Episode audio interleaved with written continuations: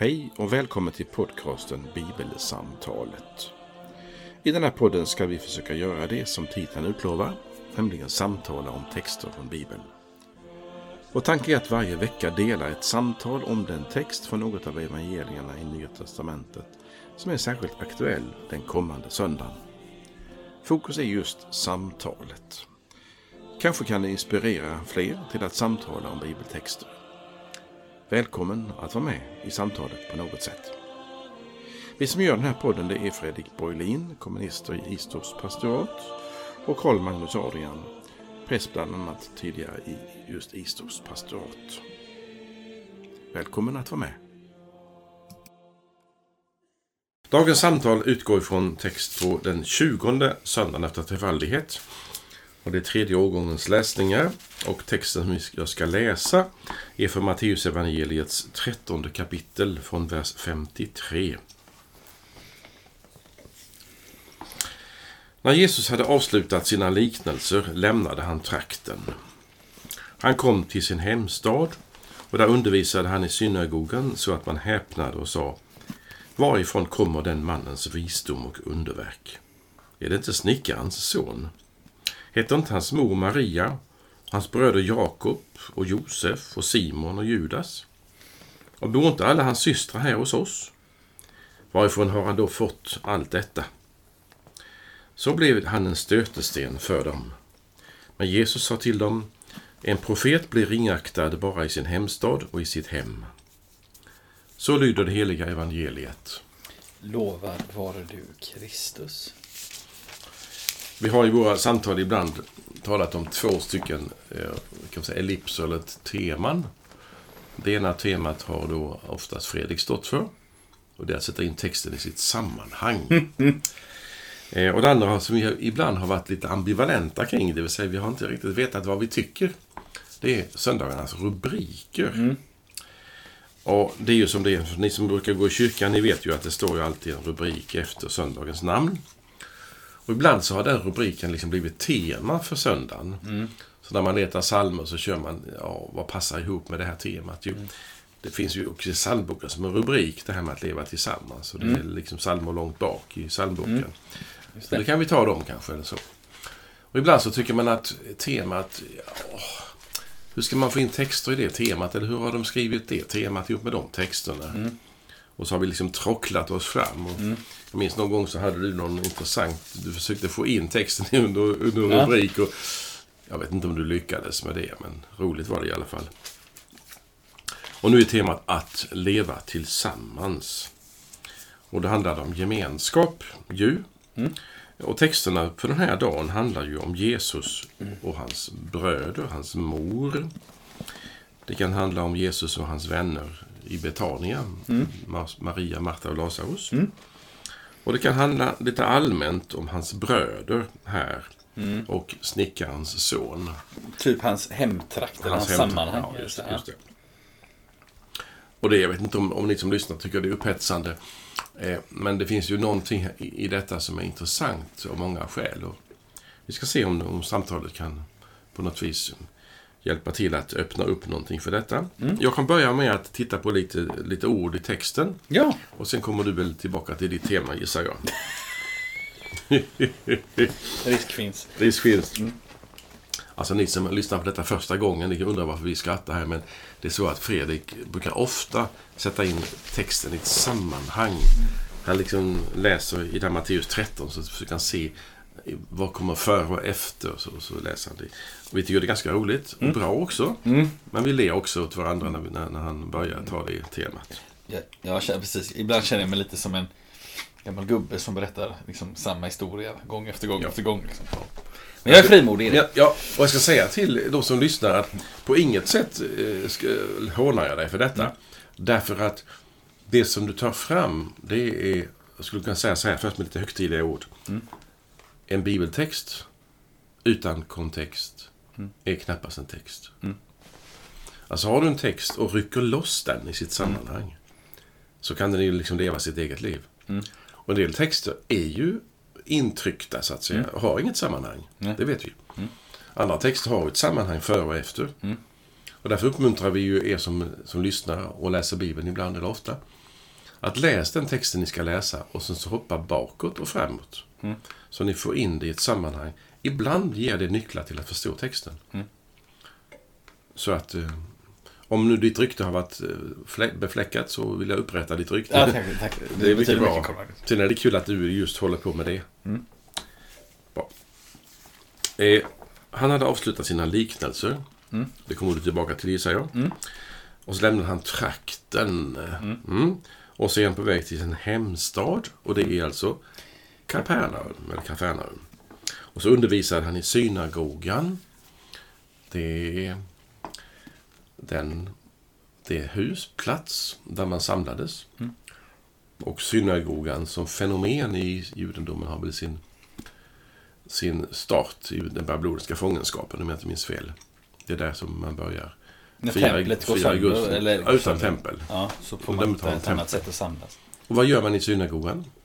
Man sjunger psaltarpsalmer. Växelvis om man har eh, två grupper sångare. Jag har sett en sån här, eh, varit med på en gudstjänst i Jerusalem. De hade liksom eh, små bänkar som var, där de satt mot varandra.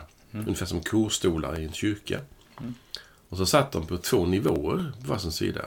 Ett antal män, det var inte så många, kanske tio på ena sidan och 20, tio på andra. Och så sjöng de och läste psaltarpsalmer växelvis mot varandra. Det finns ju e- även i kristna kyrkor förekommande detta naturligtvis. Väldigt fint. Och så läser man texter, ofta i ordningsföljd. Och så sjunger man eh, psaltarpsalmer till exempel. Och där är han, undervisar han. Och det gjorde han också. Till exempel i Lukas 4 finns det ett, en pre- predikan, eller berättelse om han i sin synagogan. Den var vi inne på så sent som förra gången. Ja, men det var visst. Ja. Och så undrar de varifrån kommer den här mannens visdom. Han är ju bara Mm. snickarens son. Och hans mor heter Maria och vi vet hans bröder är. Mm. Det vill säga, alltså det här kan ju inte bli något och vara någonting.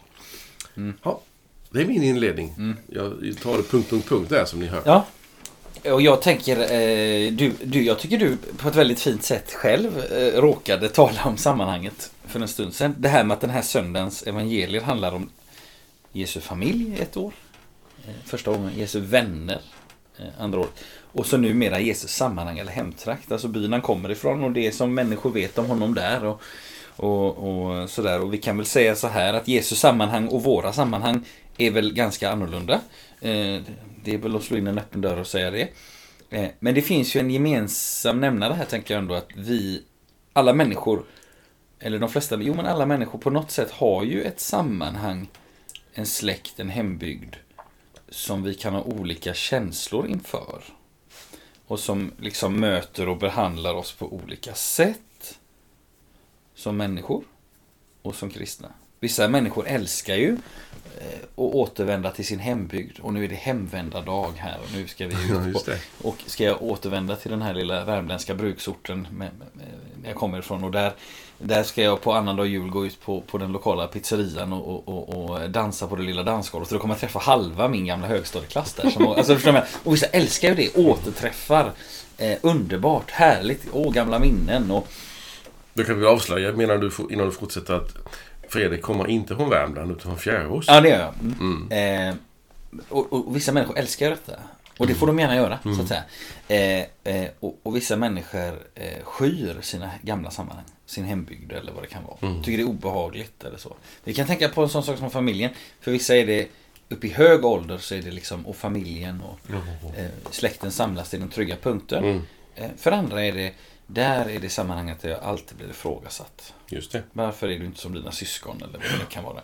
Eh, så, så olika kan det vara. Mm.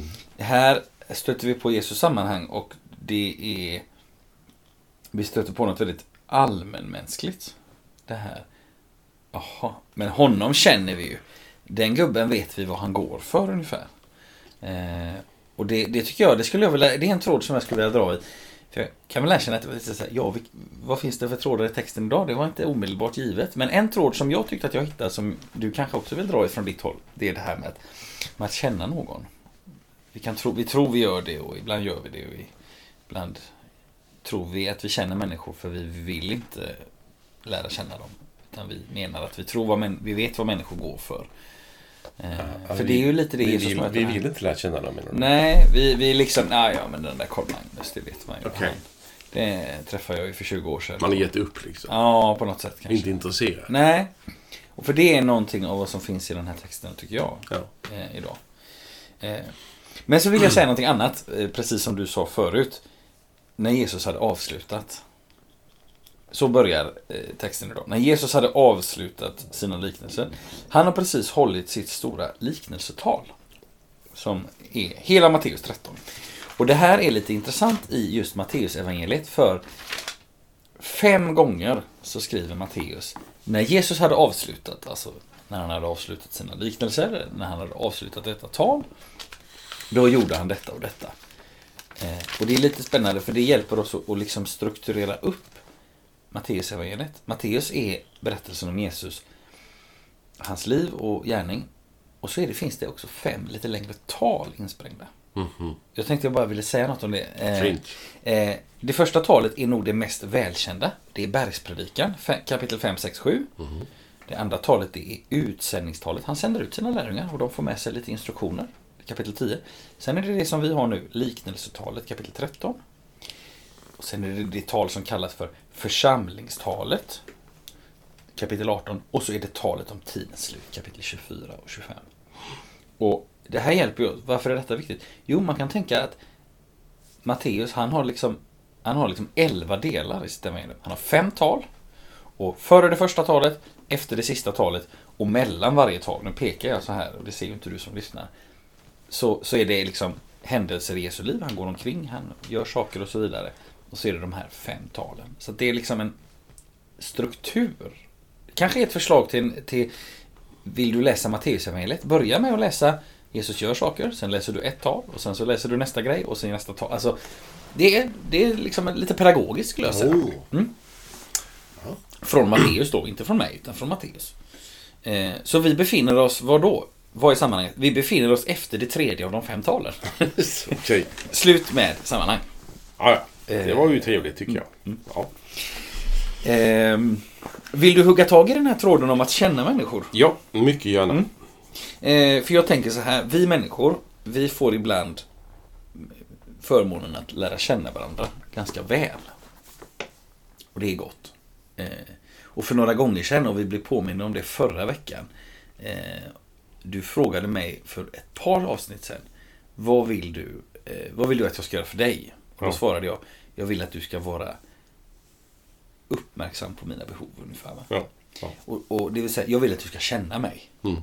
Alltså, om jag kommer till Carl Magnus och fem andra vänner är där. Eh, och så har jag precis fått ett mycket tråkigt besked om Mm. någonting. Och så är det ingenting jag tänker omedelbart säga och jag gråter inte och är helt förfär, förfärad. Utan, men det märks ändå på något sätt på mig.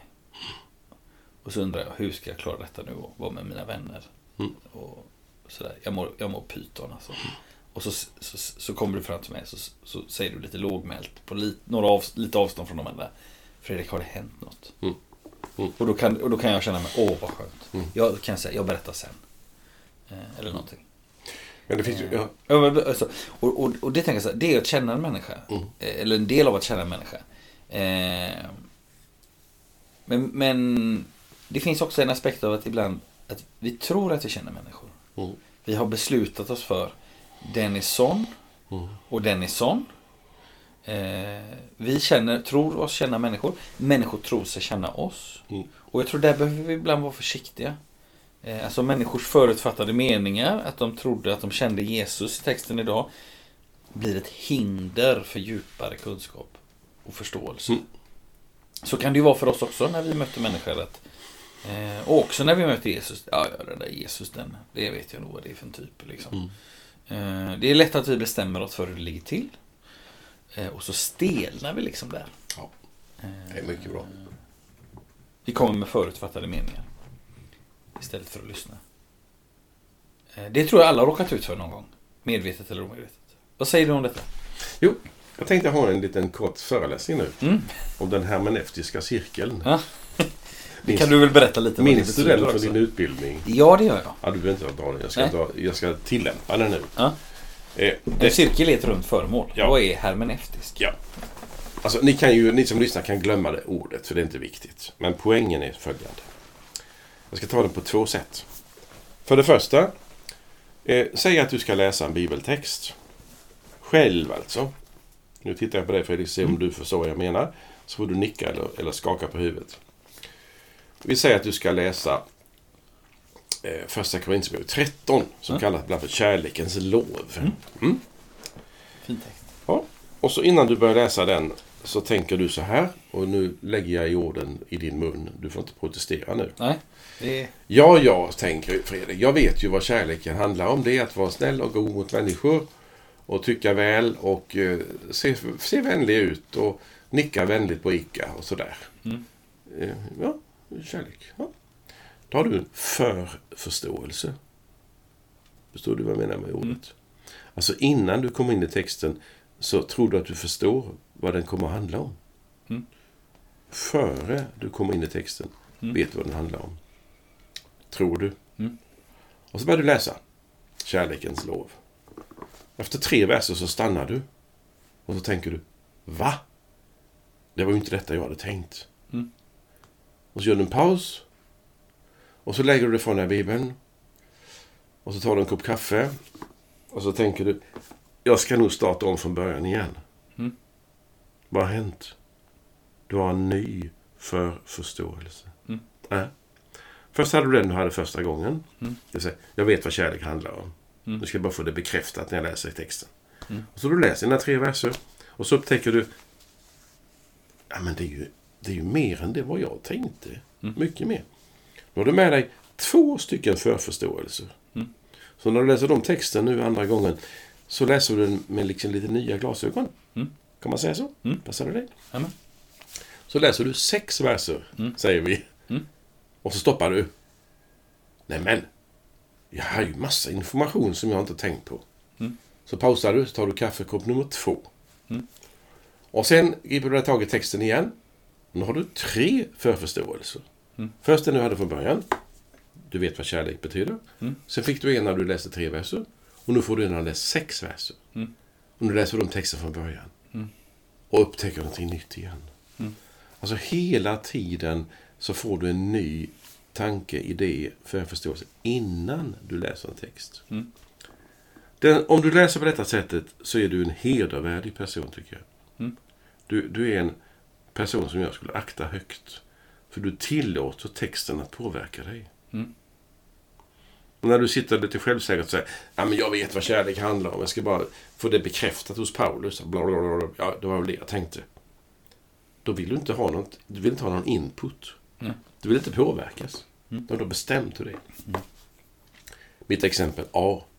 Mm. Nu kommer mitt exempel B. Eh, Du träffar Nisse här ute på, i trädgården. Mm. Som du inte känner. Mm. Och ser du vilken bil han har. Mm. Hur han är klädd. Och så hälsar du på honom. Han tar mycket tafatt i handen. Och sen när du passerar honom så känner du att oj, det var ingen deodorant idag inte. Nej. Eller? Så har du klassat honom. Du har klassificerat honom. Du har placerat honom i ett fack. Mm. Är du med? Mm. Och så, så träffar du mig. Säger du, du, vad är det här Nisse för en typ? Mm. Så säger jag, ja, han är professor i psykologi i Uppsala. Mm. Va? Vad säger du? Är du med? Mm. Och så går du tillbaka till Nisse med en helt ny förförståelse. Mm. Eller hur? Mm. Du tacklar honom lite sådär, jaha, jag måste nu lära känna den där Nisse. Mm. Det är mycket hedervärdigt. Mycket klokt handlat av dig. Mm. Det här är mina två exempel på det som du började sätta igång.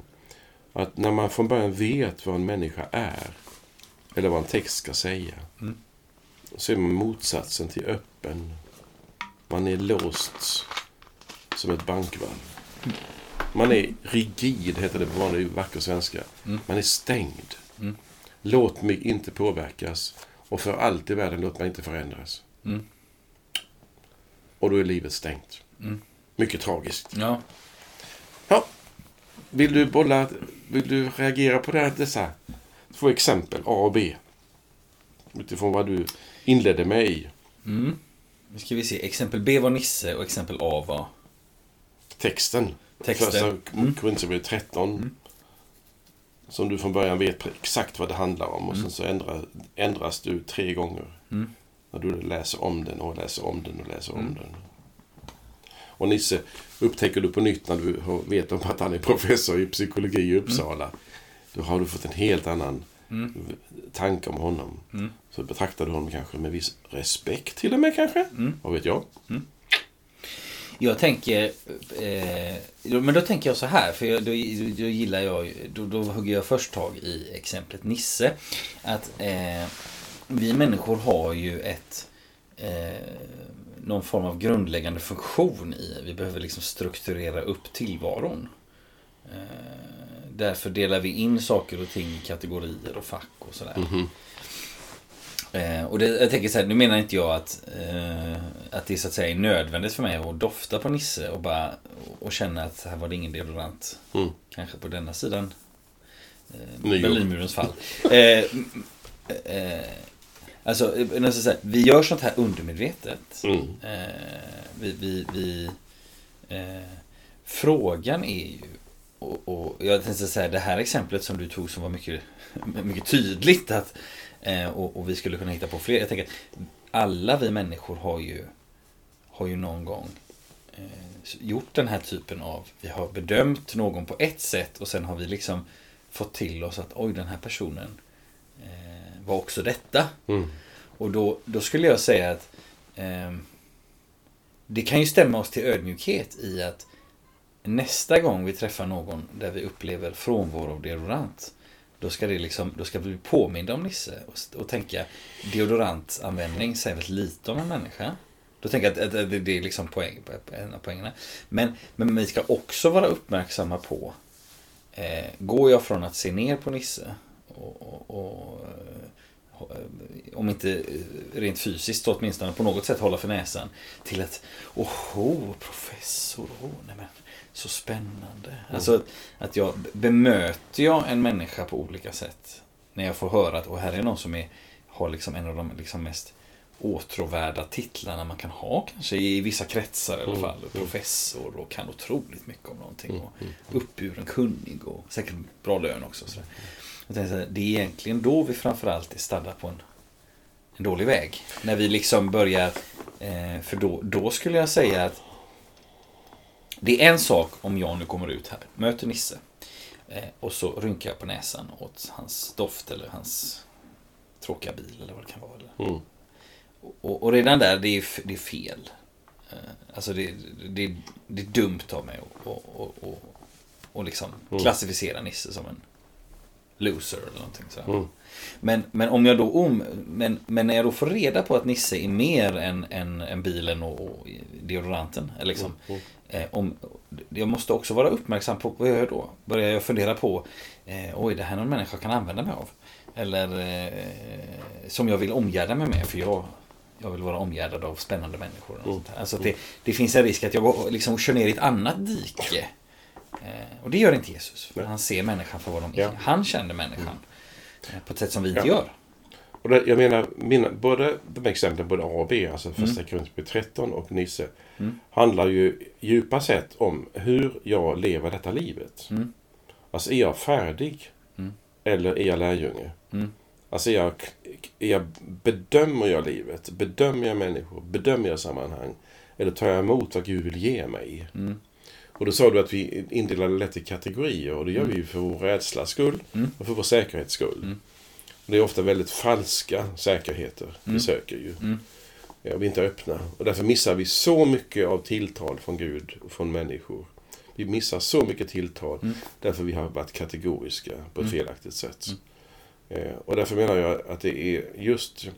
Eh, om ankdammen är för liten så är, Mm. så är rädslan stor. Mm. Alltså har du inte varit utanför din egen fastighet och du är Mm. 50 år gammal Mm. så bör man ju tänka om. Mm. Alltså du måste se mer av världen. Mm. Det vill säga det är mer än du. Du är inte solen, du är en, liten, du är en planet. Mm. Omkring solen. Eh, och det handlar nu inte om mindervärdeskänsla eller självförtroende. Det handlar om respekt för vad, vad livet erbjuder, vad Gud ger genom, i livet till oss. Ju. Mm. Kan vi gå därifrån till textens sammanhang precis? Ja. Ta de exemplen. För vi har ju hållit på runt den sak som du började med. Mm. Nämligen Varifrån kommer den mannens visdom? Det var jag som läste den kanske. Mm. Och så kommer det Är det inte snickarens son? Mm. Heter inte hans mor Maria och hans bröder bla bla bla? Och hans systrar bor hos oss. Varifrån har han fått allt detta? Alltså här finns ett förakt. Mm. Eller åtminstone en nedvärdering. Eller, jag behöver inte lyssna på honom. Mm. Och det är, om vi tar först Jesusfallet och sen allmänt. I Jesusfallet är det så tydligt i Jesus samtid att det som är det konkreta, uppenbara problemet, nu säger jag så som Jesus har, Mm. det låter kanske dumt att säga så, det är att människor missförstår honom hela tiden. Mm. För det första, här i det här fallet, ja men vi vet ju vem han är. Mm. Vi känner ju hans, hans mamma. Mm. Och för det andra, eh, han är väl en sorts blivande kejsare, kung, gerillaledare som Mm. ska befria oss från romarriket. Mm. Vi väntar på det. Och så de har liksom sagt in, satt in honom i de facken. Mm. Och allt styrs av detta. Mm. Jag vet vem hans mamma är, det vill säga jag bryr mig inte. Mm. Och hon är ju sån, som alla vet. Mm. Då skvallrar man om det en stund. Mm. Och sen, han ska bli en gerillaledare och ta makten i Jerusalem. Och så gör han inte det. Nej. Ha! Det vill säga, jag har rätt i min bedömning. Mm. Jag har rätt i min dom. Han, han, han går utanför där jag satt honom. Mm. Och det är, för det, det är ju dels oförskämt. Mm. Och det är ett sätt att leva livet som är där man skaffar sig falska säkerheter. Mm. Och, och det har, det har vi inte. Det har vi inte. Det finns en, en berättelse, jag hörde första gången för länge, länge sedan. En som berättade om ett, om ett bröllop inom judendomen. Mm. Där rabbinen hade väl förrättat själva vigseln. Och så var det den stora festligheten. Den pågick säkert jättelänge. Mm. Och så till slut hade många hade hållit tal. Och så väntade alla på att rabbinen skulle hålla det sista talet. Mm. Det vill säga den gamle mannen som var så vis och förståndig. Och reste han sig upp och så började han tala. Och så sa han så här. Till brudparet. Må Gud välsigna er och överraska er. Mm. Tack för mig. Mm. Och jag vet inte reaktionen i, i salen. Men det som för, grep mig så mycket det är att må Gud välsigna dig och överraska dig. Alltså gå in i livet och bli överraskad. Nej, det behövs inte för jag vet hur det ska vara. Mm. Jag har lärt mig hemma hur det ska vara. Jag har lärt mig där hur det ska vara. Jag vill ha det på det sättet. Mm. Och så blir det inte så. Mm. Man, kan, man kan tala om detta på ett psykologiskt plan, på Mm. ett socialt so eh, plan naturligtvis. Mm. Man kan tala om det på ett plan som handlar om vår, vår tro på Mm. Gud. Gud är den som hela tiden överraskar oss. Det vill säga som vet bättre, som leder oss på ett sätt som vi inte förstår. Och att, att, så att säga, överlämna oss i Guds hand, det är att säga Gud, gör någonting med mig som du vet är bäst för mig. Mm. Eller denna bön som jag ofta ber. God Gud, ge mig med, med din ande det du vet att jag behöver. Mm. Det är att säga, jag vet inte säkert vad jag bäst behöver. Låt mig träffa Nisse idag, men inte Fredrik. Mm. Ja, men det vet ju inte du, Karl Magnus. Mm. Vem, vad, vem du behöver träffa. Mm. Och den låsningen. Eh, och, och i Jesus fall är det uppenbarligen så att, att hans släkt drar ner honom Mm. från att vara visdomslärare och rabbi. Mm. För han är ju en precis vanlig person som vi. Alltså kan Gud inte ge oss någonting genom honom. Mm. Jag vet Fredrik att du kommer från Fjärås. Mm. Jag kände visserligen inte dina föräldrar. Mm. Men Fjärås har ju inte bra rykte. Tänk om jag tänker så. Och så blir han kommunist. Hur gammal är han? Ah, han är ju bara lite över 30. Hur länge har han varit präst? Ja, drygt fem år. Ja, men ni vet, pojkprästen i Horred. Ja. Tänk om jag tänker så. Mm. Eller du tänker, Karl Magnus, ja han är över 70 år, han är en gammal, ja det är snart dags för honom och bli lite senil och sådär. Så Ja. man vet ju vad han står för. Sådär. Mm. Mm. Eller i kyrkliga kategorier som vi tyvärr frestas att hamna i och som vi tyvärr lider av ibland. Jaha Fredrik, du är sån. Du anser det? Jaha, du är en sån. Mm. Och så har man kategoriserat människor. Mm. Och därför är det väldigt skönt ibland när man upptäcker att den människa man har kategoriserat på ett visst sätt chockerar en. Mm. Du är med, förstår jag menar? Absolut. Ja. ja. Det var jag gick igång på. Jag, jag funderar på en sak när jag mötte den här texten, alltså Jesus sammanhang. Och så tänker jag så här. På ett sätt så bejakar de ju ändå att han är vis. Ja, det gör den. Alltså de, de, de, De säger ändå... Ja. Eh, Paulus, när han är... Jag, vet, jag tror inte att det är på... Han håller ju ett antal tal i Apostlagärningarna. Och, och, och, och är på olika ställen. Och ibland får vi bara veta att det blir... Vi får veta något pyttelitet om att det bär frukt. Eller nu blev han stenad och slängdes ut ur stan halvdöd. Och så gick han tillbaka in och sådär. Mm. Och ibland så får vi ju liksom lite sådär människors respons. Och då är det någon som säger vid något tillfälle så här om Paulus. Vad är det för visdomskorn som den har plockat upp? Och det låter ju ungefär som att även en blind höna finner ett korn. Eller även en nackad höna finner ett korn. Mhm. Eh, Och det var bara ren tur. Ungefär. Ja, just det. Eh, och då, då undrar jag, när du läser den här texten. Tycker du att, att Jesus blir bejakad i att, att han kommer med visdom? Eller är det som att folk säger, ja, även en blind höna finner ett korn? Alltså det, det som jag tycker gör att det, att det finns ett litet svar på din fråga. Det är slutet på texten.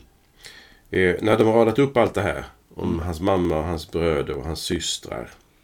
Så står det. Så blev han en stötesten för dem. Alltså. Jag tror så här, men jag är väldigt försiktig med min, min kommentar. Mm. Jesus kommer här gående och så har han någonting att säga till mig. Och så tittar jag på honom nu sådär på avstånd som man kan göra ibland med människor. Man tittar inte riktigt i ögonen utan man tittar liksom snett på personen. Förstår du vad jag menar? Men vill hålla lite koll på dem? Ja, man vill inte visa att man, man är intresserad. Nej. Man bara liksom ser, nu står han där. Ja, bra. Eh, pa, pappa snickare, mamma Maria, okej. Bröderna namngivna, systrarna.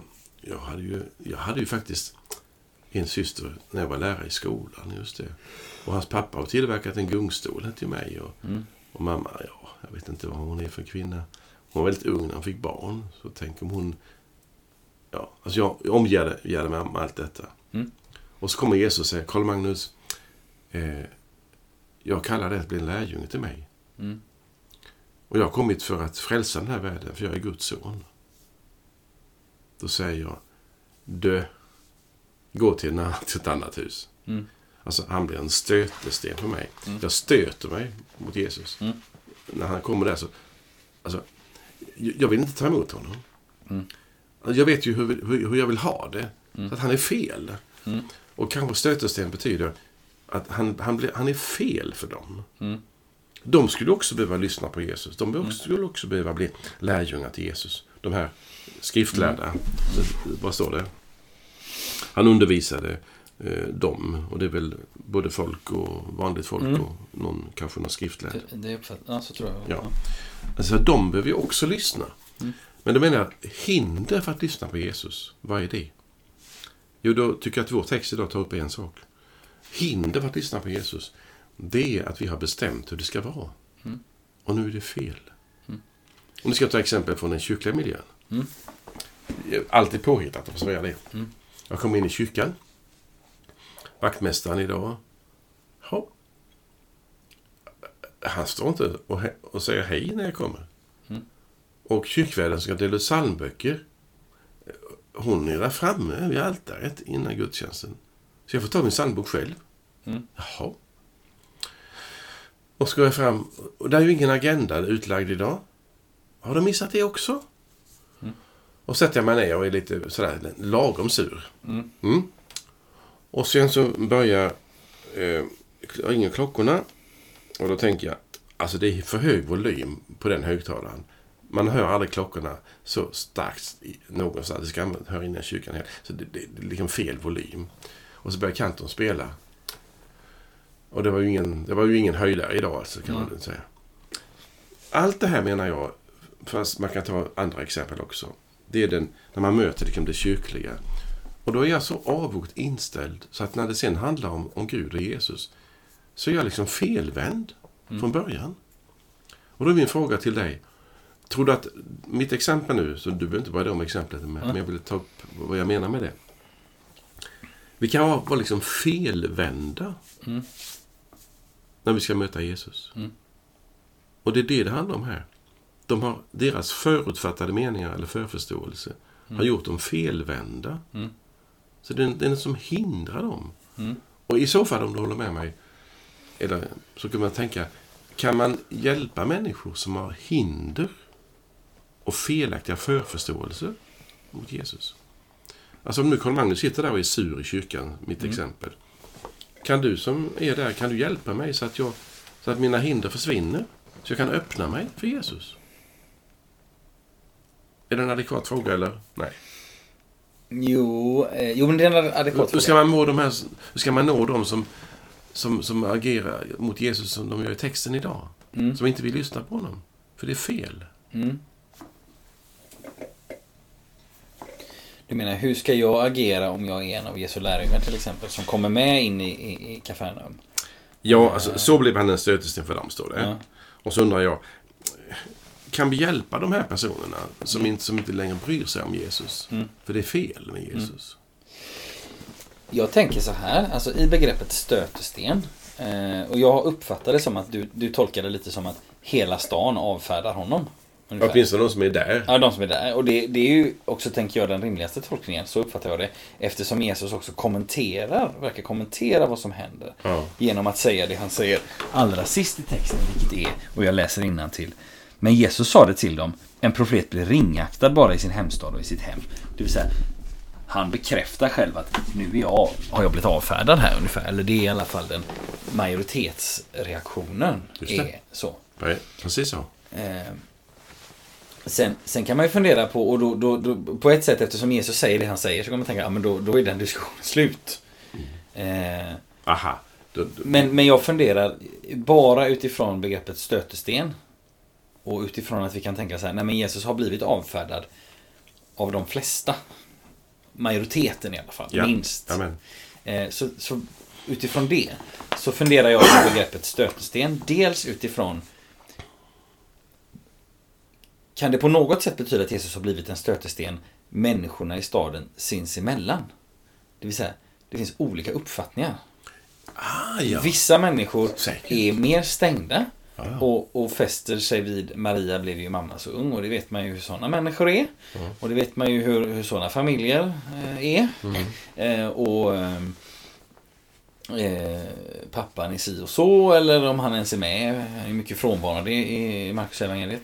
Eh, det här är den enda referensen till Josef i hela nu är vi i Matteus i och för sig så det är inte enda referensen. Men i Marcus evangeliet så är det ju bara den här samma berättelse hos Marcus som är den enda referensen. Här hos Matteus får vi, är ju faktiskt Josef lite av en huvudperson i, i, i barndomsberättelserna. Just det. Eh, Det är han inte hos Lukas i hans barndomsberättelse. Hur som helst. Kan det på något sätt betyda att, att han blev en stötesten, liksom säga nu kom Jesus till Öxnevalla, där Fredrik och Karl Magnus var och några till. Och vi tog emot honom på olika sätt och började liksom inte kivas, men vi liksom, ja men jag märker att Karl Magnus blev mycket positivt påverkad, men jag tyckte att den där Jesus, var inte mycket att hänga i granen. Och, så, och så blir han en stötesten oss sinsemellan. Absolut. Eh, det typ- det, det, det är ju ett sätt man kan se på det, tänker jag. Eh, och ytterligare en möjlighet är så här. Eh, kan det i begreppet stötesten, jag, jag tror inte det, men jag, jag ställer frågan till dig. Du får resonera om det om du vill. Eh, ibland så är det ju så med oss människor att när vi blir liksom, när det blir friktion, det blir motstånd, eh, då eh, då är det så att säga första steget mot att öppna sig. Om min fru har sagt till mig 20 gånger Fredrik, du borde köpa ett par nya gympaskor. De du har är inte hela och jag tänker ah, en gång till kan jag använda dem. Och om vi tittar på mina gympaskor där borta vid dörren så är de väldigt trasiga. Men jag tänker, ah, ja, men en gång till kan jag använda dem, det är ingen fara. Eh, och sen så säger vi att du bjuder med mig ut på en skogspromenad eh, i det blöta gräset. Och jag blir helt jag blir helt genomvåt om fötterna det är mycket obehagligt. Eh, då, är det obe- då är det ett obehag för mig. Och det får mig att faktiskt åka till skoaffären och köpa nya skor. Det vill säga, man kan ju fundera på att vara en stötesten, det är ju inte i sig något positivt. Men det kanske kan leda till någonting. Alltså, att människor liksom blir störda i sina... Alltså för du, du beskrev det så fint förut det här med att människor är stängda. De har sina fast, eh, färdiga, färdigt, eh, livet är färdigformulerat för dem. Ja. Men nu blir de liksom lite störda. Nu är det någonting som, nu är det någonting som kliar här. ja, jag tycker väldigt mycket om det. Jag köper det direkt. Jag tror det är väldigt bra. Och grejen är att när man blir störd så kan man ju antingen eh, bli fortfarande framhävdas i att ja, men jag har rätt i min bedömning. Mm. Eller så blir man tyst. Och den här tystnaden öppnar ju upp för det som du har som en poäng. Mm. Att jag blir störd och känner att Alltså, det, tänk om det är något med honom ändå. Tänk om det är något, någon sanning med Jesus. Eller tänk alla som, som vi kanske har träffat någon gång, många som inte vi har träffat alls, som säger Du, det där med Jesus. Jag gick i söndagsskolan. Och du ska veta, jag är ju gammal nu alltså. Men så fruktansvärt det var. Och någon annan säger Ja, men jag kom med på ett läger när jag var i konfirmandåldern och det var, alltså, det var så fint. Och den tredje säger jag var på ett sommarmöte när jag var i gymnasist eller student. Och de höll på med sina andliga övningar. Jag blev- immun mot kristendomen från början. Mm. Så, men det är ju inte ovanligt att vi har sådana Nej, reaktioner. nej, nej. Inte. Och då märker vi att ja, om man då blir störd så, så ser man ju någonting som är annorlunda än sin förutfattade mening. Eller hur? Det jag kallar för förförståelsen. Alltså min förstå, förförståelse ändras på grund av någonting. Jag har ett exempel som jag kan berätta. Jag tycker det är lagom personligt. Jag gjorde vapenfri tjänst som brandman. Först utbildning på Arlanda och sen var jag på Sturups flygplats i Skåne. Och så hade vi en kompis som eh, på den tiden, har jag berättat det för detta? Nej, nej, jag känner inte Han, han var ytterst mot vänster politiskt på den tiden. Mm. Till och med den, den radikala vänsterfalangen. Mm. Och han var väldigt trevlig och vi hade väldigt roligt. Mm. Och att jag var kristen, det var ju för honom en främmande planet, kan man lugnt säga. Vi skiljs åt och då har vi inte... Vi har träffats under lång tid, men inte väldigt, väldigt nära. Men ändå så vi träffas. Mm. Och så, vi åker samma tåg. Mm. Han stiger av stationen innan mig. Mm. Och så åker jag en station till. Jag minns inte exakt vad det var. Så säger han så här. Hej Karl Magnus. Det är en sak jag inte begriper. Hur kan du vara kristen som är så trevlig? Mm. Mm. Och det har, jag, det har följt med mig. Inte nu som ett betyg åt att jag är trevlig. Det kan någon tro att jag menar. Mm. Jag, jag hoppas jag är trevlig. Utan, vad säger han? Jo, på något vis så, så går det inte ihop sig. För, Nej. Eller hur? Nej. Och min sensmoral är följande. Jag gillar när jag inte får ihop det Mm. om människor. Mm. Jag tycker om att jag inte kan Mm. få plats med en människa i facket. Mm. Jag tycker det är roligt. Mm. Eh, Det kräver också mycket, mycket mer. Det Mm. kräver att man väntar in, man får vara försiktig. Du kanske skulle säga, som du sa nyss, att man blir ödmjuk. Det är en ödmjukhetsträning Mm. också i detta. Men det är någonting att hur man ska se på livet. Mm. Och när vi talar om kristen tro. Ja, efter du Fredrik, det var så att jag, jag var med i en bra församling när jag var ung och kom till tro som 12-åring. Mm. Och var på goda läger och eh, läste teologi medan jag var 20 och 22. Och jag kan stolt säga att jag inte ändrat mig sedan dess. Mm. Det imponerar inte på mig. Nej. Inte ett dugg. Jag är glad för att jag fått en bra start i livet. Det är underbart att få det. Men vad vill Gud göra mer med dig? Mm. Det väl, du kan väl fortsätta och se vad Gud vill göra mer? Nej, jag har bestämt hur det är. Mm. Och det är någonting här där stötestenen är att jag har bestämt hur det är. Mm. Det vill säga, jag har själv, ska vi säga, fastlagt mitt hinder. Mitt hinder är min egen begränsning. Mm. Och det är ju inte det att jag, ja, jag vill, jag kanske tror, jag vet inte om de vill tro på Jesus. Men de är inte där ännu. Mm. Och jag skulle fortfarande vara intresserad av svaret på den frågan som ingen av oss kan ge. Men hur hjälper man människor som, där Jesus är en stötesten? Har du mött något exempel i ditt liv där du har känt att någon eller du själv har fått har, har ändrat sig från sin förutfattade negativa mening till att ha fått en, en positiv mening? Ja, ja, men det skulle jag säga att jag har. Eh, och i de flesta fallen, och de är inte, nu kan inte jag räkna upp tusen, men om jag liksom tänker lite generellt sådär. Så uppfattar jag att jag har fått vara med och se en liten del av den processen. Jaha. Eh,